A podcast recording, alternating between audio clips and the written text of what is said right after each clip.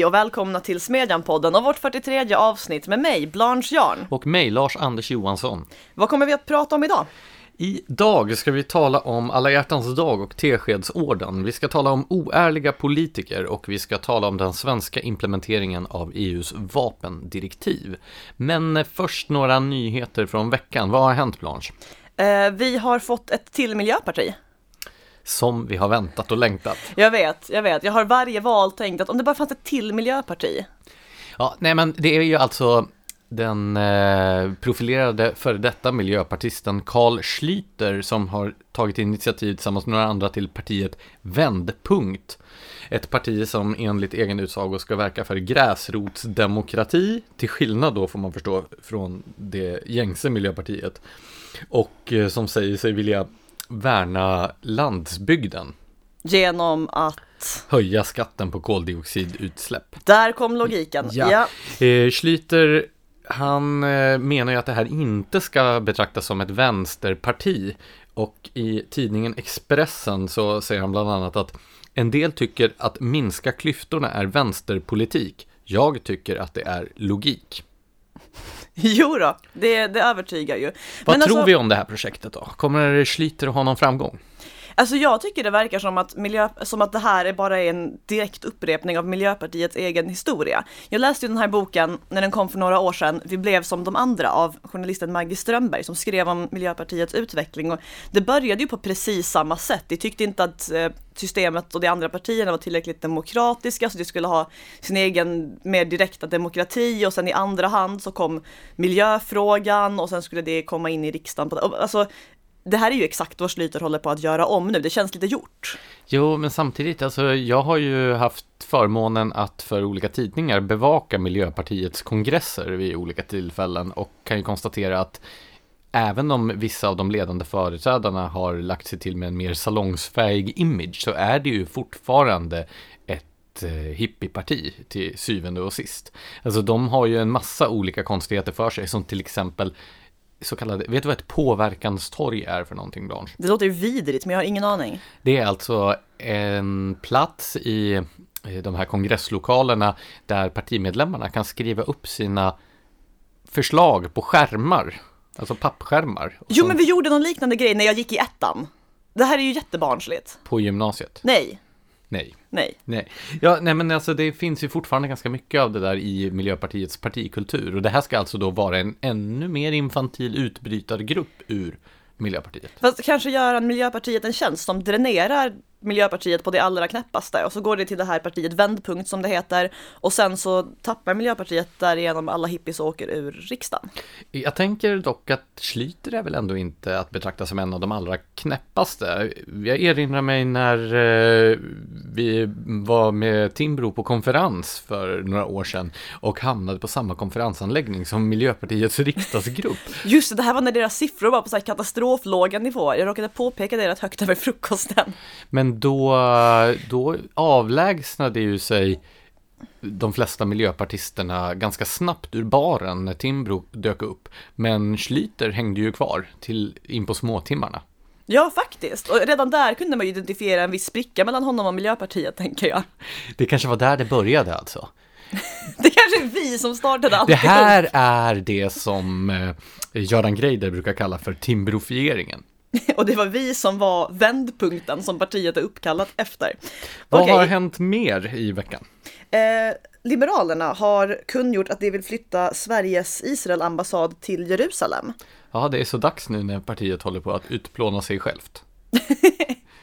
För alltså jag tänker att Alltså egentligen är det ju en grundläggande bra idé, alltså Jerusalem är Israels huvudstad, Jaha, det är rimligt att ha ambassaden i huvudstaden. Liberalerna utplånar sig själv.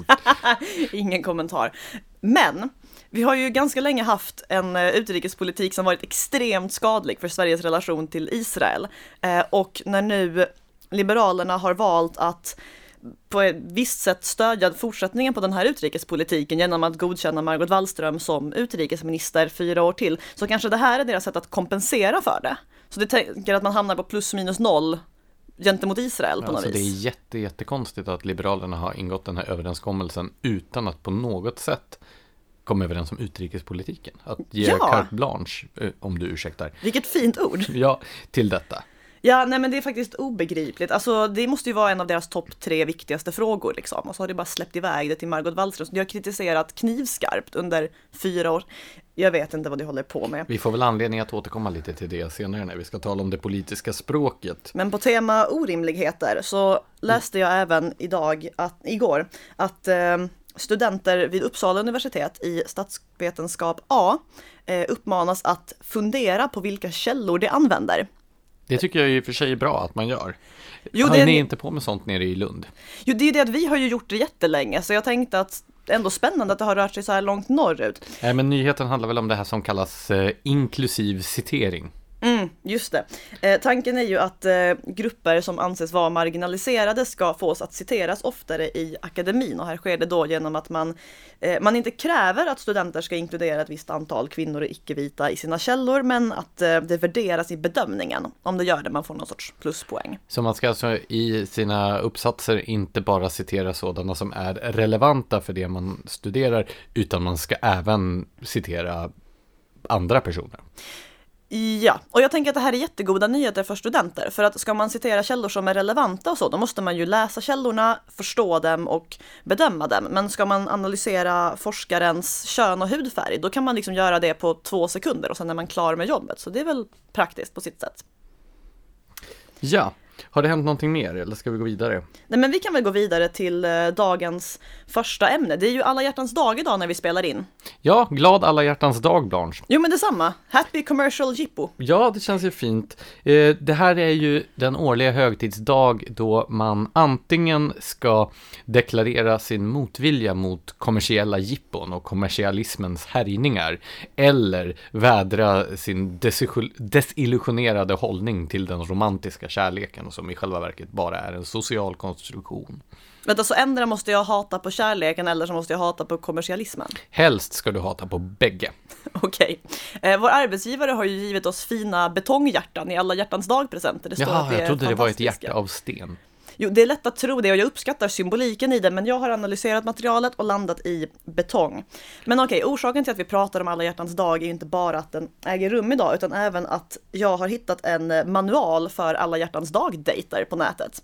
Alla hjärtans dag-dejter, det är alltså, är det vanligt att människor går på dejt, alltså första dejten på alla hjärtans dag? Eller eh, åsyftas dejter där man går ut med sin pojkvän eller flickvän eller sambo eller fru eller? Jag tänker det normala är att man på alla hjärtans dag har en relation och så går man på dejt liksom. Men det här är då tänkt att vara en manual för personer som är på en första dejt. Eh, det ska nämligen användas för att den ena personen på dejten ska kunna ta reda på om den andra är ett svin eller en valentin. Och den heter rassekollen, så man får förmoda att man även kollar upp om personen i fråga är rasist. Jag ska ju på en dejt med min fästman senare ikväll och jag kan inte ställa de frågorna till honom för att han skulle fly från restaurangen i panik. Så jag tänkte istället utsätta Om man flyr dig från för restaurangen i panik, är man rasist då? Det kommer vi att märka när jag ställt Du kanske ska börja berätta lite om bakgrunden. Det är en organisation som heter Teskedsorden som har gjort det här testet. Ja, precis. Det är en stiftelse som eh, enligt den senaste årsredovisningen får större delen av sina bidrag, eller av sina pengar eh, i form av bidrag, bland annat från eh, Myndigheten för ungdoms och civilsamhällesfrågor och från Allmänna arvsfonden. Men sen har det även ett 90-konto och det får en del pengar, alltså det har ett konto dit vanliga privatpersoner kan skänka pengar och sen får det en del från civilsamhället också, företag och sånt. Och verksamheten utgörs framförallt av opinionsbildning. Ja, opinionsbildning, eh, inte kanske i den mest direkta formen, men det, mitt intryck är att det jobbar en hel del med att ta fram olika former av skolmaterial. Bland annat har det fått jättemycket pengar för att utveckla en app mot rasism. En app mot rasism. Ja, du ser ungefär lika frågande ut som jag känner mig. Alltså det vore ju jättetrevligt om man kunde göra sig av med rasism med en app. Jag vet inte riktigt hur den här appen funkar, men eh, det har även gjort det här Rassekollen-projektet. Det är inte lika ambitiöst eller så, men det är så här rosa frågeformulär med lite hjärtan och så kan man kontrollera om man pratar med en rasist eller inte. Så nu kommer vi att testa om du är ett svin eller en valentin. Är du med? Jag sitter som på nålar. Mm, det syns. Okej, fråga ett. Är det inte konstigt att vår kulturminister, som har kultur som sitt ansvarsområde, inte förstår varför hennes dreads är ett problem? Alltså jag uppfattar den här frågan som väldigt ledande. Varför det? För att den utgår från att hennes Alltså, den utgår ju från några olika påståenden, nämligen dels att det skulle vara ett problem att, att hennes dread skulle vara ett problem. Och sen utgår den från att hon inte förstår att det är ett problem. Vet du vad det praktiska här är? Det är att eftersom svaret på frågan är inbakat i frågan så vet du alltså vad du ska svara. Okej, okay, så om jag då inte vill vara ett svin eller ännu värre en rasist, då måste jag alltså svara ja på frågan. Precis, ja det är konstigt att hon inte förstår. Det är konstigt det är att vår kulturminister som har kultur som sitt ansvarsområde inte förstår varför hennes dreads är ett problem. Snyggt! Nästa fråga. Det är så konstigt att L, alltså inte partiet utan eh, modetidningen, fortfarande har sin gala på Grand Hotel och att alla influencers fortfarande går dit. Ja. Där satt den! Men frågan är faktiskt, har de redan glömt bort att SD fick ha sin gala där? De hade här, gala där 2016, någonting med yttrandefrihet. Här förväntas jag alltså känna till huruvida L, alltså tidskriften, inte partiet, och eh, alla influencers har glömt att Sverigedemokraterna hade en gala på Grand Hotel. Jag tänker mig att du ska föra ett resonemang om att ja, det måste du ju ha glömt, för annars skulle det väl aldrig gå dit eftersom ett eh, parti hade sin gala där för tre år sedan. Jag hade glömt att Sverigedemokraterna hade en gala på Grand Hotel. Men så är jag inte inbjuden till tidskriften, alltså inte partiet utan tidskriften Els gala heller. Nej, jag tänkte att du gick dit i egenskap av influencer. Ja, men det känns ju lite främmande att Sverigedemokraterna har en gala på Grand Hotel. Jag vet inte om jag är fördomsfull, men jag uppfattar inte det som det glammigaste av partier. Nej, och det är ju inte det folkligaste av evenemang. Men... Så vad var rätt svar på den här frågan då? Nej men det var nog att ja, det är definitivt konstigt att de fortfarande har sin gala där. De eh, måste redan ha glömt bort att SD hade sin gala där. Snyggt, två mm -hmm. poäng. Tredje frågan. Helt sjukt att NMR gång på gång får tillstånd att demonstrera. Deras blotta närvaro borde väl räknas som hets mot folkgrupp med tanke på deras politiska agenda. Vad tycker du om att det pratas om ett eventuellt förbud mot nazistiska och högerextrema grupper? Ja, men jag tycker det är bra att det pratas om ett sådant förbud. Man ska aldrig införa förbud om man inte har pratat om dem. Eller? jo, jo nej, men det är, en bra, det är en bra grundinställning. Jag tror att du även ska instämma i att det är helt sjukt. Helt sjukt? men det, är det som du brukar säga ofta i podden, eller hur? Nej. Ja, för mig att... Nej, jag känner inte igen mig i den verklighetsbeskrivningen. Okay. Eh, jag tycker den låter helt sjukt. Så hur klarade jag mig här? Var jag ett svin eller en valentin? Nej, men jag tror du, jag tror du klarade dig igenom nålsögat. Alltså, så här, i grunden så tänker jag att man kan tolka det här ganska positivt. Det är väl bra att människor... Du menar mitt resultat? Nej. Nej, men jag menar själva rassekollen. Alltså, det är ju såklart bra att människor pratar om sånt här, alltså det är bra att människor pratar liksom och eh, om tanken är att skapa öppenhet och tolerans, då är det ju helt rätt att börja på en så mellanmänsklig nivå till skillnad från alla organisationer som försöker genomföra sådana här projekt så att säga ovanifrån. Men problemet är ju att som så ofta när syftet är tolerans och öppenhet, då är det som att man ska vara jättetolerant och öppen men absolut inte mot den som inte håller med. För att det här att frågorna egentligen är påståenden formulerade som frågor, det gör ju att det implicit blir så här håll med eller var rasse ett svin, inte en valentin. Oschyssta värderingar tror jag nämndes också i något sammanhang.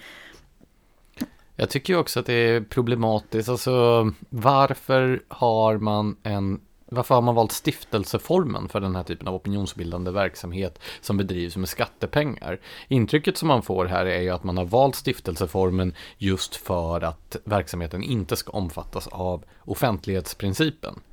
För annars, eh, vanliga myndigheter, de omfattas ju av offentlighetsprincipen. Då kan skattebetalarna och väljarna ställa krav på verksamheten, medan eh, stiftelser är fristående enheter.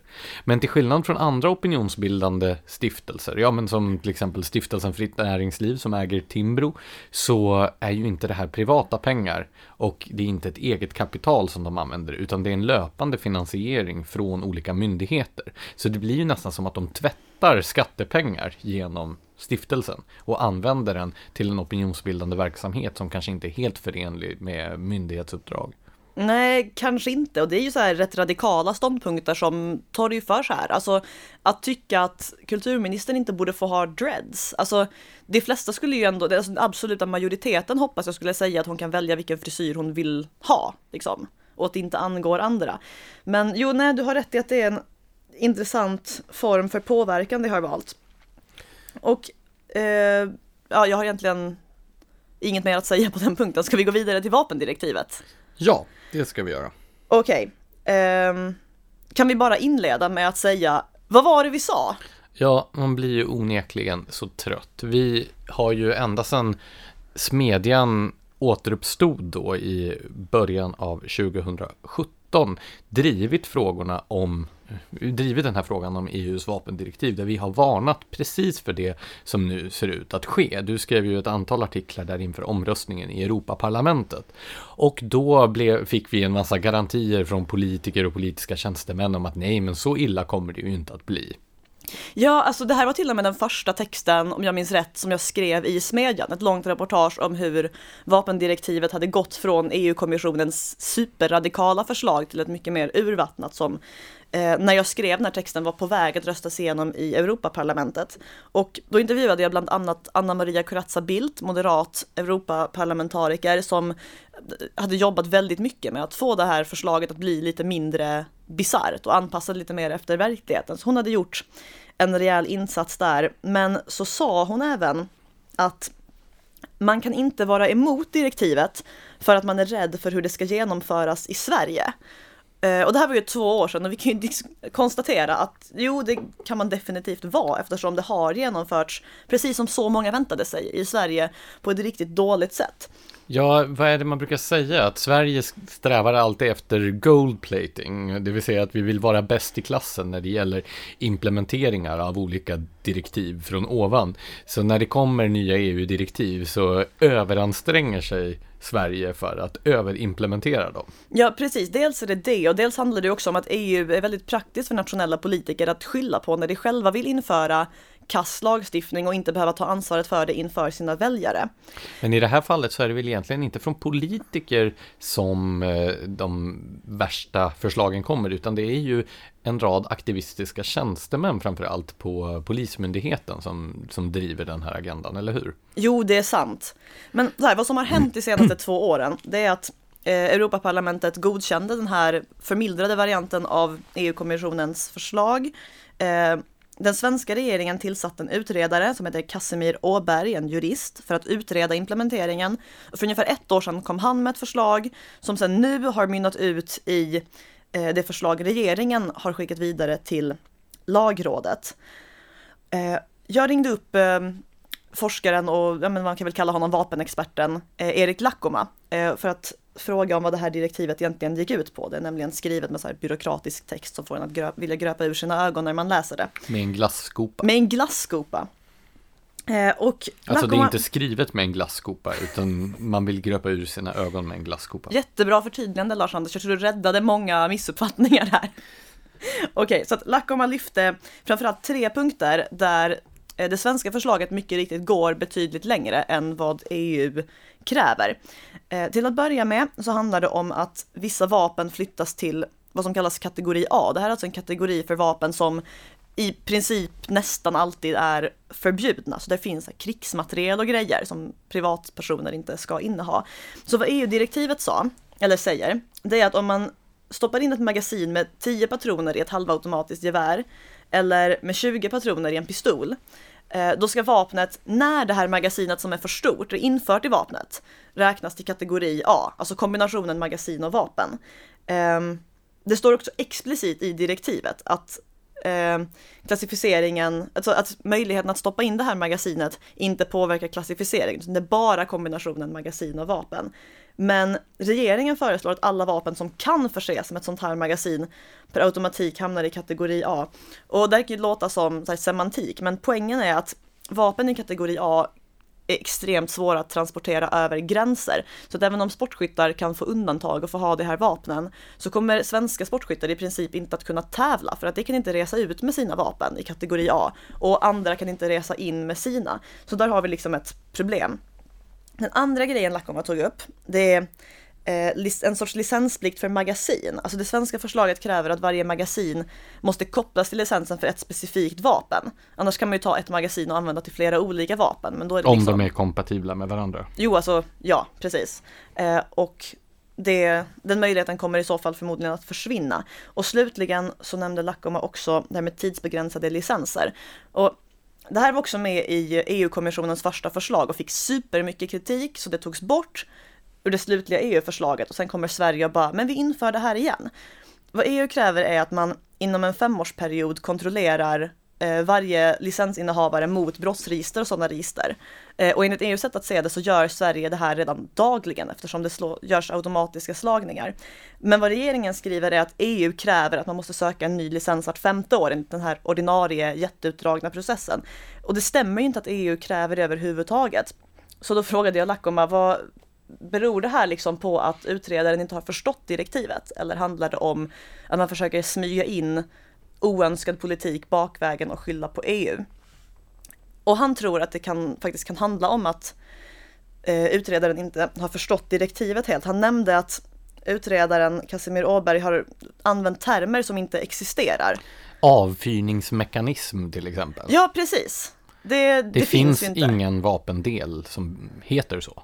Nej, men den, den ville han i alla fall eh, ta bort. Jag tror att han först tog upp det, blev kritiserad och sen ändå behöll den här formuleringen i sitt förslag. Väldigt oklart varför den har regeringen dock tack och lov tagit bort. Men grejen är att samtidigt så finns det ju också det här aktivistiska tjänstemännen du nämnde som säkert har allt intresse av att införa en striktare vapenlagstiftning på det här liksom diskreta sättet. Ja, men det är ju, vad, vad säger då Lacoma och andra som är insatta i den här frågan, kommer det här implementeringsförslaget att gå igenom eller kommer det inte att göra det? För från politiskt håll så har det ju för första gången, som jag känner till i alla fall på väldigt länge, funnits en stark opinion för att faktiskt lagstiftningen på vapenområdet ska uppdateras på ett sätt som underlättar för jägare och sportskyttar snarare än försämrar.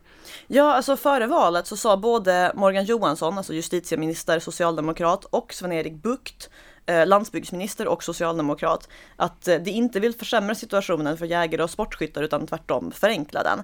Eh, så det verkar ju nu efter valet ha råkat svänga 180 grader eftersom det ju lägger ett förslag som regeringsdel ehm, om att just försvåra det för jägare och sportskyttar. Men grejen är att Samtidigt så har både Moderaterna, Centerpartiet, Kristdemokraterna och Sverigedemokraterna i valrörelsen tagit ställning mot det förslag som nu har skickats till lagrådet.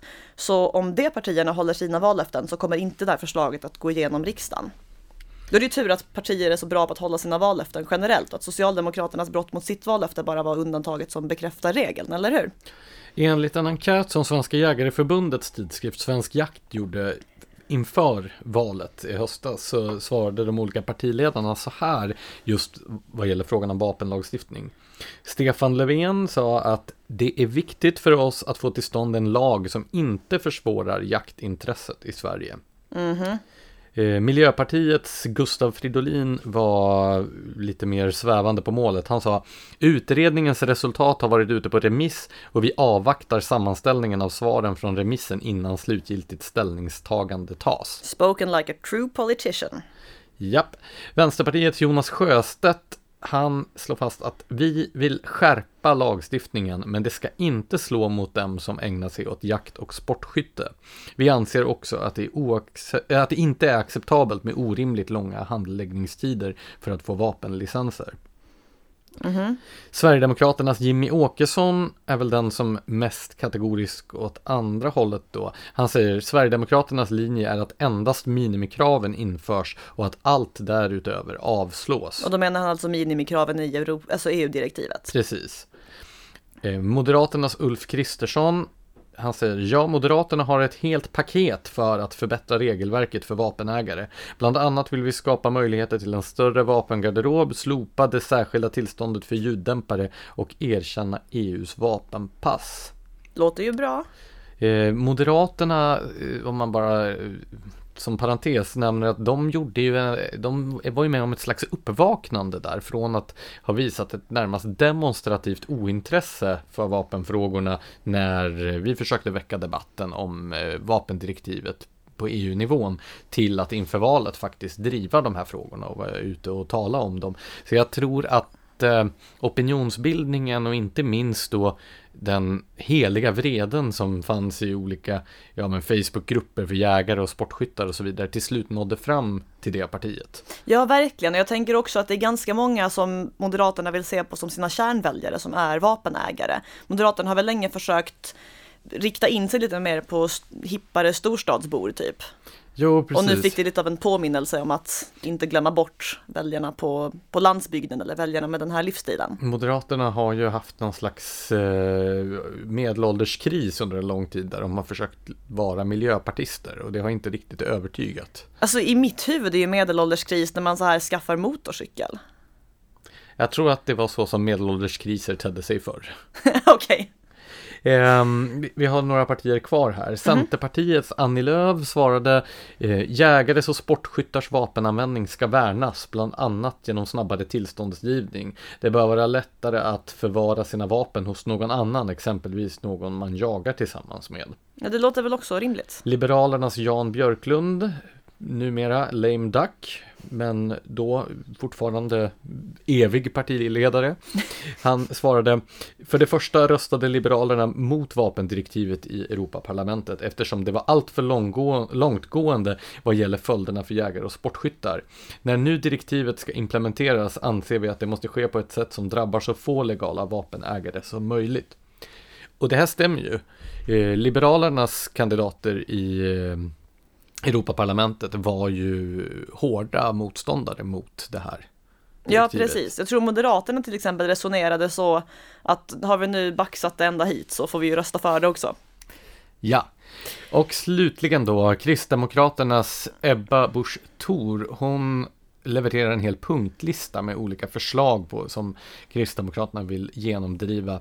Eh, bland annat att flytta hanteringen av vapenlicenser från polisen till en ny jaktmyndighet Eh, Eh, avskaffa tidsbegränsningen av vapenlicenser, att göra reglerna tydligare för när vapenlicens ska beviljas och hur vapen ska förvaras, avskaffa det särskilda licenskravet för ljuddämpare, slopa begränsningen av antalet vapen i vapengarderoben. Ja, det är ju ett ganska långtgående program här. Vapengarderoben är alltså det antal vapen som en vapenägare får inneha utan att kräva specialtillstånd.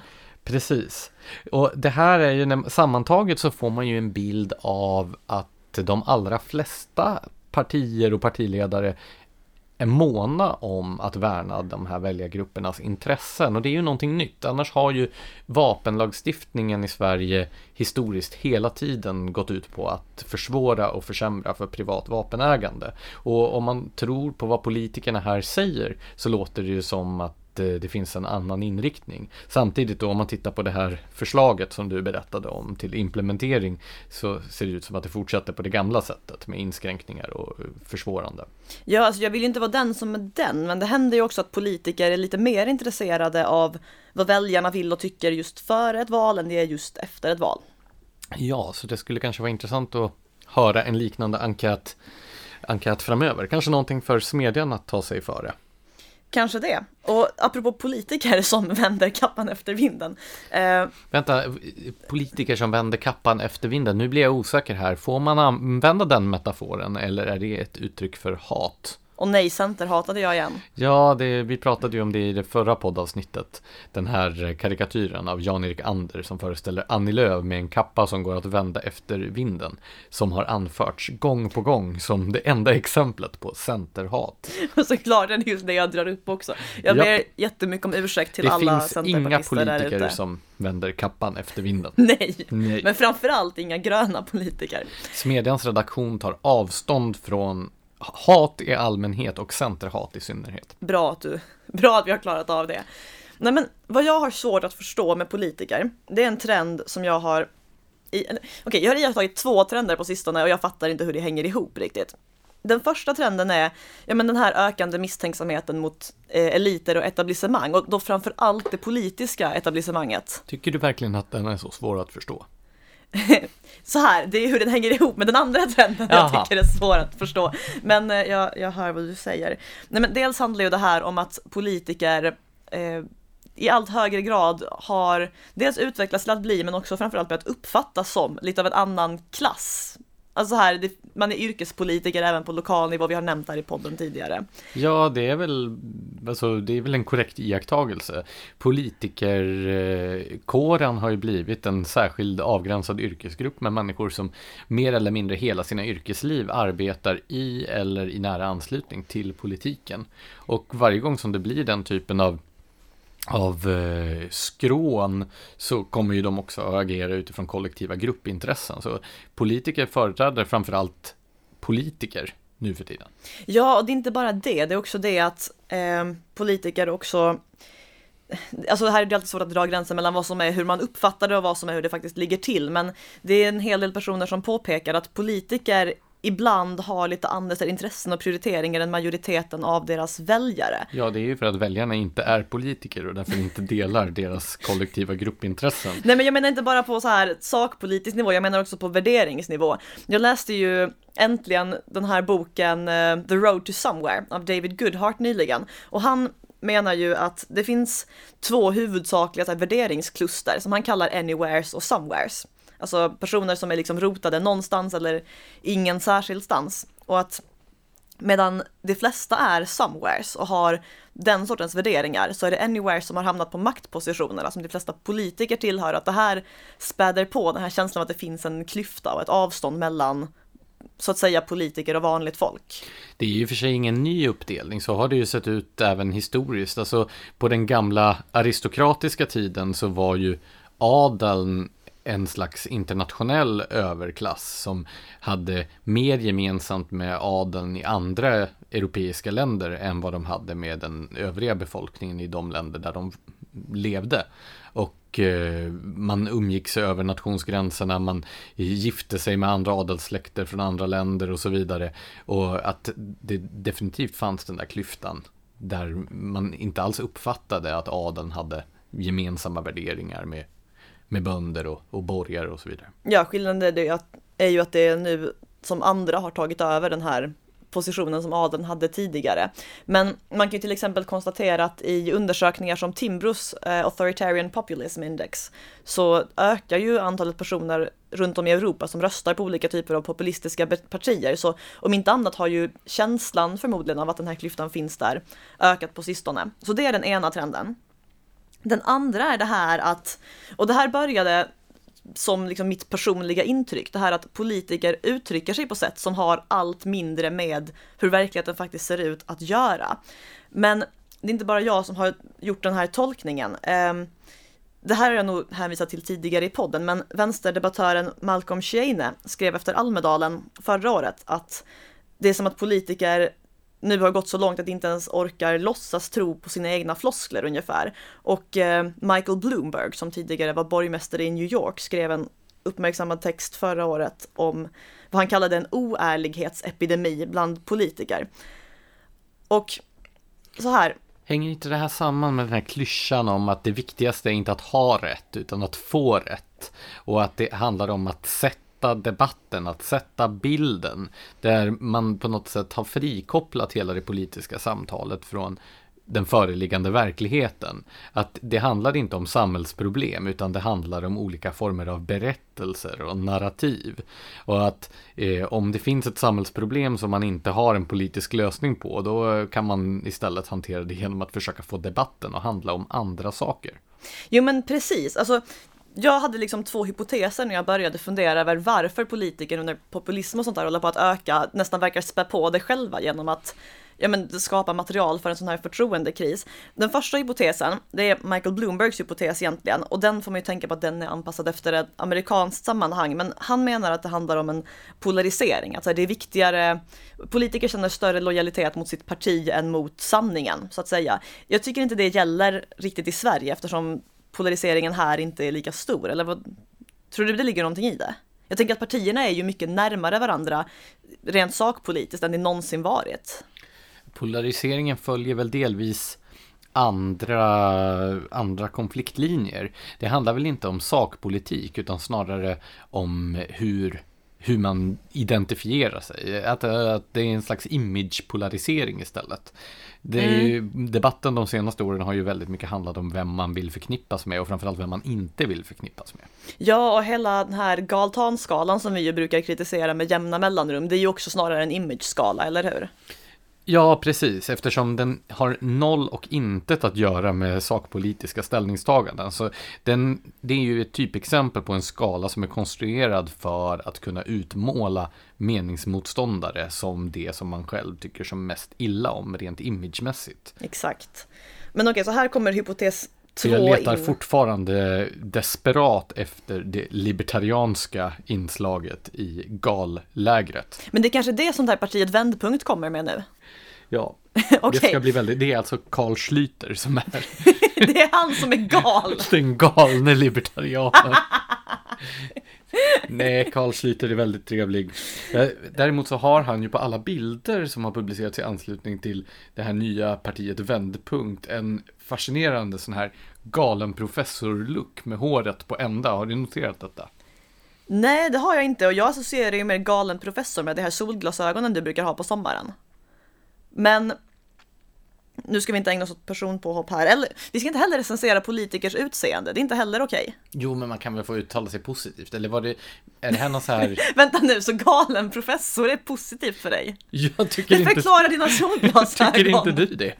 jo då, jätte. Men herregud, miljöpartisters frisyrer är ju det som debatten har handlat om de senaste månaderna. Jag satt ju just och försvarade miljöpartisters rätt att välja frisyr. Ja, jag med. Jag tycker att båda Amanda Lind och Carl Schlüter har förträffliga frisyrer. Kan vi gå vidare nu till ditt resonemang om om, Låt oss göra det. Vad handlade ens ditt resonemang om? Jo, men jag presenterade ju den första hypotesen för vad som förklarar hur politiker verkar öka sin egen förtroendekris och det är det här att det handlar om polarisering. Nu har vi avfärdat det via miljöpartisters frisyrer och då kan vi komma in på hypotes två. Det är ungefär det du sa innan. Det här att jag tror typ det finns för många kommunikationsproffs i politiken det handlar ju om att här, presentera ett narrativ och jag kommer inte ihåg var jag läste det här men när Moderaterna hade en, sin dipp så var det ju det att de hade, de hade inte lyckats skapa en moderat berättelse om vad som händer i Sverige och du vet narrativet och allt det här. Och jag tänker att fokuserar man för mycket på att presentera rätt berättelse och liksom sätta upp rätt fernissa så kommer man ju kanske att prioritera ner hur verkligheten ser ut bakom. Ja, så ett problem med kommunikationsproffs är ju att de ofta är så dåliga på att kommunicera och att lära ut saker som har med kommunikation att göra. Jag kommer ihåg för några år sedan när jag lyssnade på ett föredrag från ett riksdagspartis kommunikationsavdelning, jag tänker inte nämna vilket, som skulle berätta om hur man hanterade sociala medier. Och precis allting som de redogjorde för var raka motsatsen till de slutsatser som vi empiriskt hade kommit fram till. Eh, men det slog mig sen i efterhand att en avgörande eh, faktor tror jag för skillnaden i hur det här uppfattades. Det var till exempel att jo, men de sa att man bara skulle skriva kortfattat i sociala medier. Samtidigt då som vår erfarenhet var att ju längre desto bättre. Men skillnaden här var att man måste ju ha någonting substantiellt att säga. Ja fast är man ett riksdagsparti så kan man bara fylla ut det med emojier och punktlistor annars Jo, det där är ju en annan sak också. Att när kommunikatörer lär ut att man ska använda massa emojis i inlägg. För att man då ska få större spridning. Ja, men till vilket pris? Det låter som att man talar till ett barn. Ja. Eller skriver till ett barn. Och det kanske är det man vill förmedla. Men oftast så tror jag att det finns skäl att ta en del av de här kommunikationsråden med en nypa salt. Men som sagt, hur långt som man ska skriva i sociala medier beror ju på vad man har att säga och hur mycket utrymme det kräver. Det är ju inget självändamål att skriva långt, men har man någonting att säga som också tar mycket utrymme så kan man få lika mycket genomslag för det som om man skriver någonting kort och kärnfullt. Ja, men det där är ju precis som vi har ju båda genomgått olika utbildningar på temat att skriva ledartexter och sånt. Och alla det här har varit anpassade till eh, olika typer av tryckta media. Då har man alltid fått höra att det som är över 3000 tecken kan du bara kapa bort, för det är bara fluff. Och så här, allting bra kan rymmas i 3000 tecken.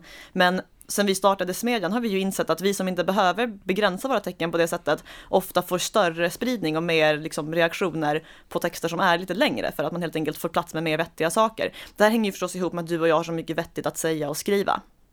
Ja, sen kan det ju finnas ett eh, en anledning att begränsa sig i alla fall.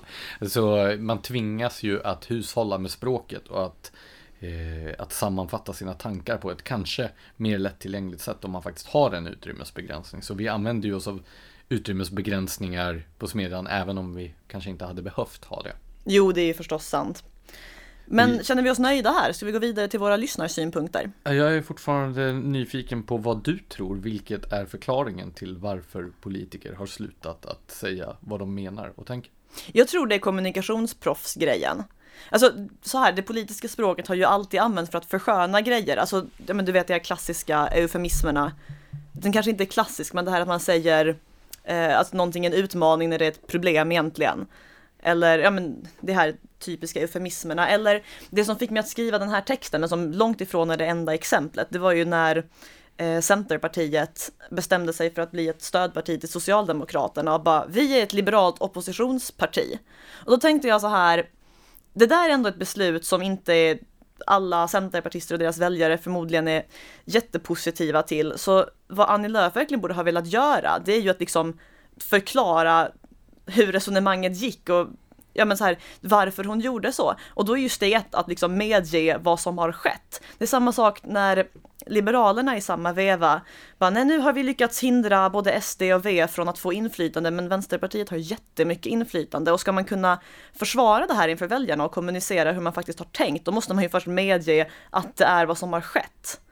Och det här är absolut inte bara en socialliberal grej vill jag vara tydlig med, utan det här, så här gör politiker över hela det politiska spektrumet. Men det fick mig att tänka att det viktiga där är att förmedla bilden av att ha agerat på ett visst sätt, inte att faktiskt förmedla hur man har agerat och förklara det för väljarna som om det vore ja, men, vuxna människor. Där tänker jag väl att eh, Kristdemokraternas framgångar under det senaste halvåret delvis skulle kunna förklaras av att Ebba Busch Thor har förhållit sig på ett helt annat sätt. Hon har ju varit konsekvent och sagt vad hon menar. Eller åtminstone har hon sagt samma sak som hon sen har gjort. Jo, precis. Det, hon har liksom inte, det har ju gått att se en konsekvens mellan hur hon har agerat och hur hon har beskrivit sitt eget agerande. Så jag tror ändå det spelar in för att bygga förtroende och det kanske är liksom en bra uppmaning till politiker i allmänhet att vi lever ändå i en tid och det är som, alltså kanske nästan viktigare än någonsin att vara förtroendeingivande och få väljarna att lita på en. Så det vore liksom en bra början att kommunicera direkt med dem. Att säga vad man menar och göra det man säger alltså. Kalla en spade en spade. Det ska bli intressant att se om det kommer att bli den nya trenden också bland politikernas kommunikationsrådgivare framöver. Jo, det blir spännande att se, men jag satsar inte några jättestora summor på det. Ja, lyssnarfrågorna då? Synpunkterna. Synpunkterna. Vi ja. kan väl börja med Mats Blom som lyssnade på vårt föregående avsnitt mm -hmm. och konstaterade en alldeles utmärkt podd som vanligt. Tack så mycket. Tack Mats. Eh, dock glömde ni i samtalet om rätts, eh, rättviseförmedlingen en sak jag är övertygad om att ni kommer ihåg när jag påminner er. Orsaken till att så få borgerliga var med på listan är inte bara att Rättviseförmedlingen förespråkade mest vänsterpersoner, utan även att de borgerliga som sattes upp i flera fall hade gjort det mot sin vilja, då de själva förespråkar meritokrati och inte identitetspolitik. Jag vill minnas att bland annat Paulina Neuding och Alice Teodorescu bad om att få bli borttagna. Jo, det, det stämmer Definitivt, de här listorna sätts ju ihop så att det ber om rekommendationer i sitt nätverk och då kan ju vem som helst bli uppskriven, även om den inte vill det. Men det här hänger ju ihop med det vi sa, att så här, slagsidan i Rättviseförmedlingens listor har aldrig varit så konstig just för att deras agenda och själva de här listorna har ju en lockelse för personer som står lite mer till vänster och lockar inte personer till höger. Så det är klart att det hänger ihop med att det är höga personer som har dragits in i det här inte gärna vill associeras med det. Jag kommer ihåg att jag har varit i kontakt med Rättviseförmedlingen några gånger angående deras listor och slagsidan. Blev du också uppsatt av misstag? Och slagsidan på dem och eh, de resonerar ju så här att de eh, varken säkerställer att det skulle finnas någon åsiktsspridning bland deltagarna. För det var enligt dem inte intressant. De vill säkerställa att det finns en, eh, en representation för olika grupper och eh, de litar helt enkelt på sina tipsare eh, som föreslår. Det andra intressanta i sammanhanget var att de också menade att de inte kan göra någon slags kvalitetssäkring av de experter på olika områden som föreslås.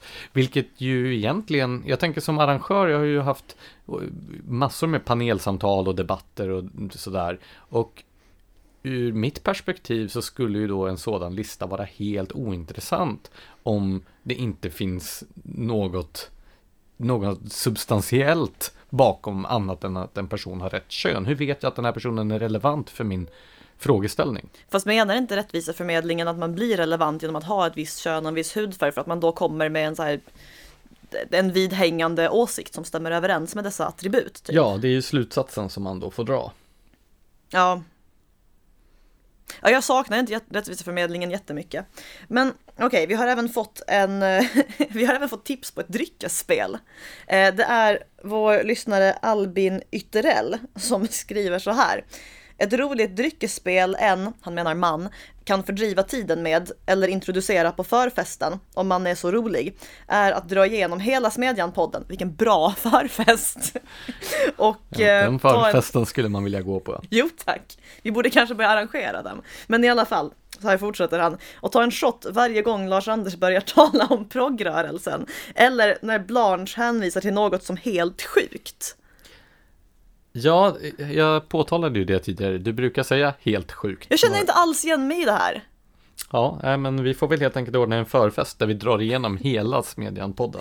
Och... Men alltså, det som stör mig här måste jag bara säga, det är att hur tråkigt är det inte att min grej är att säga helt sjukt? Ja, det är ju i alla fall en roligare grej än att prata om progrörelsen. Det är väl bättre att sitta och tjata om progrörelsen? Alltså, nu, från och med nu ska jag aldrig mer prata om progrörelsen. Och jag kommer aldrig med att prata om något som är helt sjukt, så vi måste utesluta politik ur våra ämnen.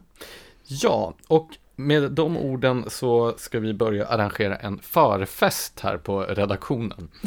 Så eh, ni är hjärtligt välkomna att delta i, i form av Albin Ytterells dryckesspel. Och till nästa vecka, tack för att ni har lyssnat. Ha en trevlig helg!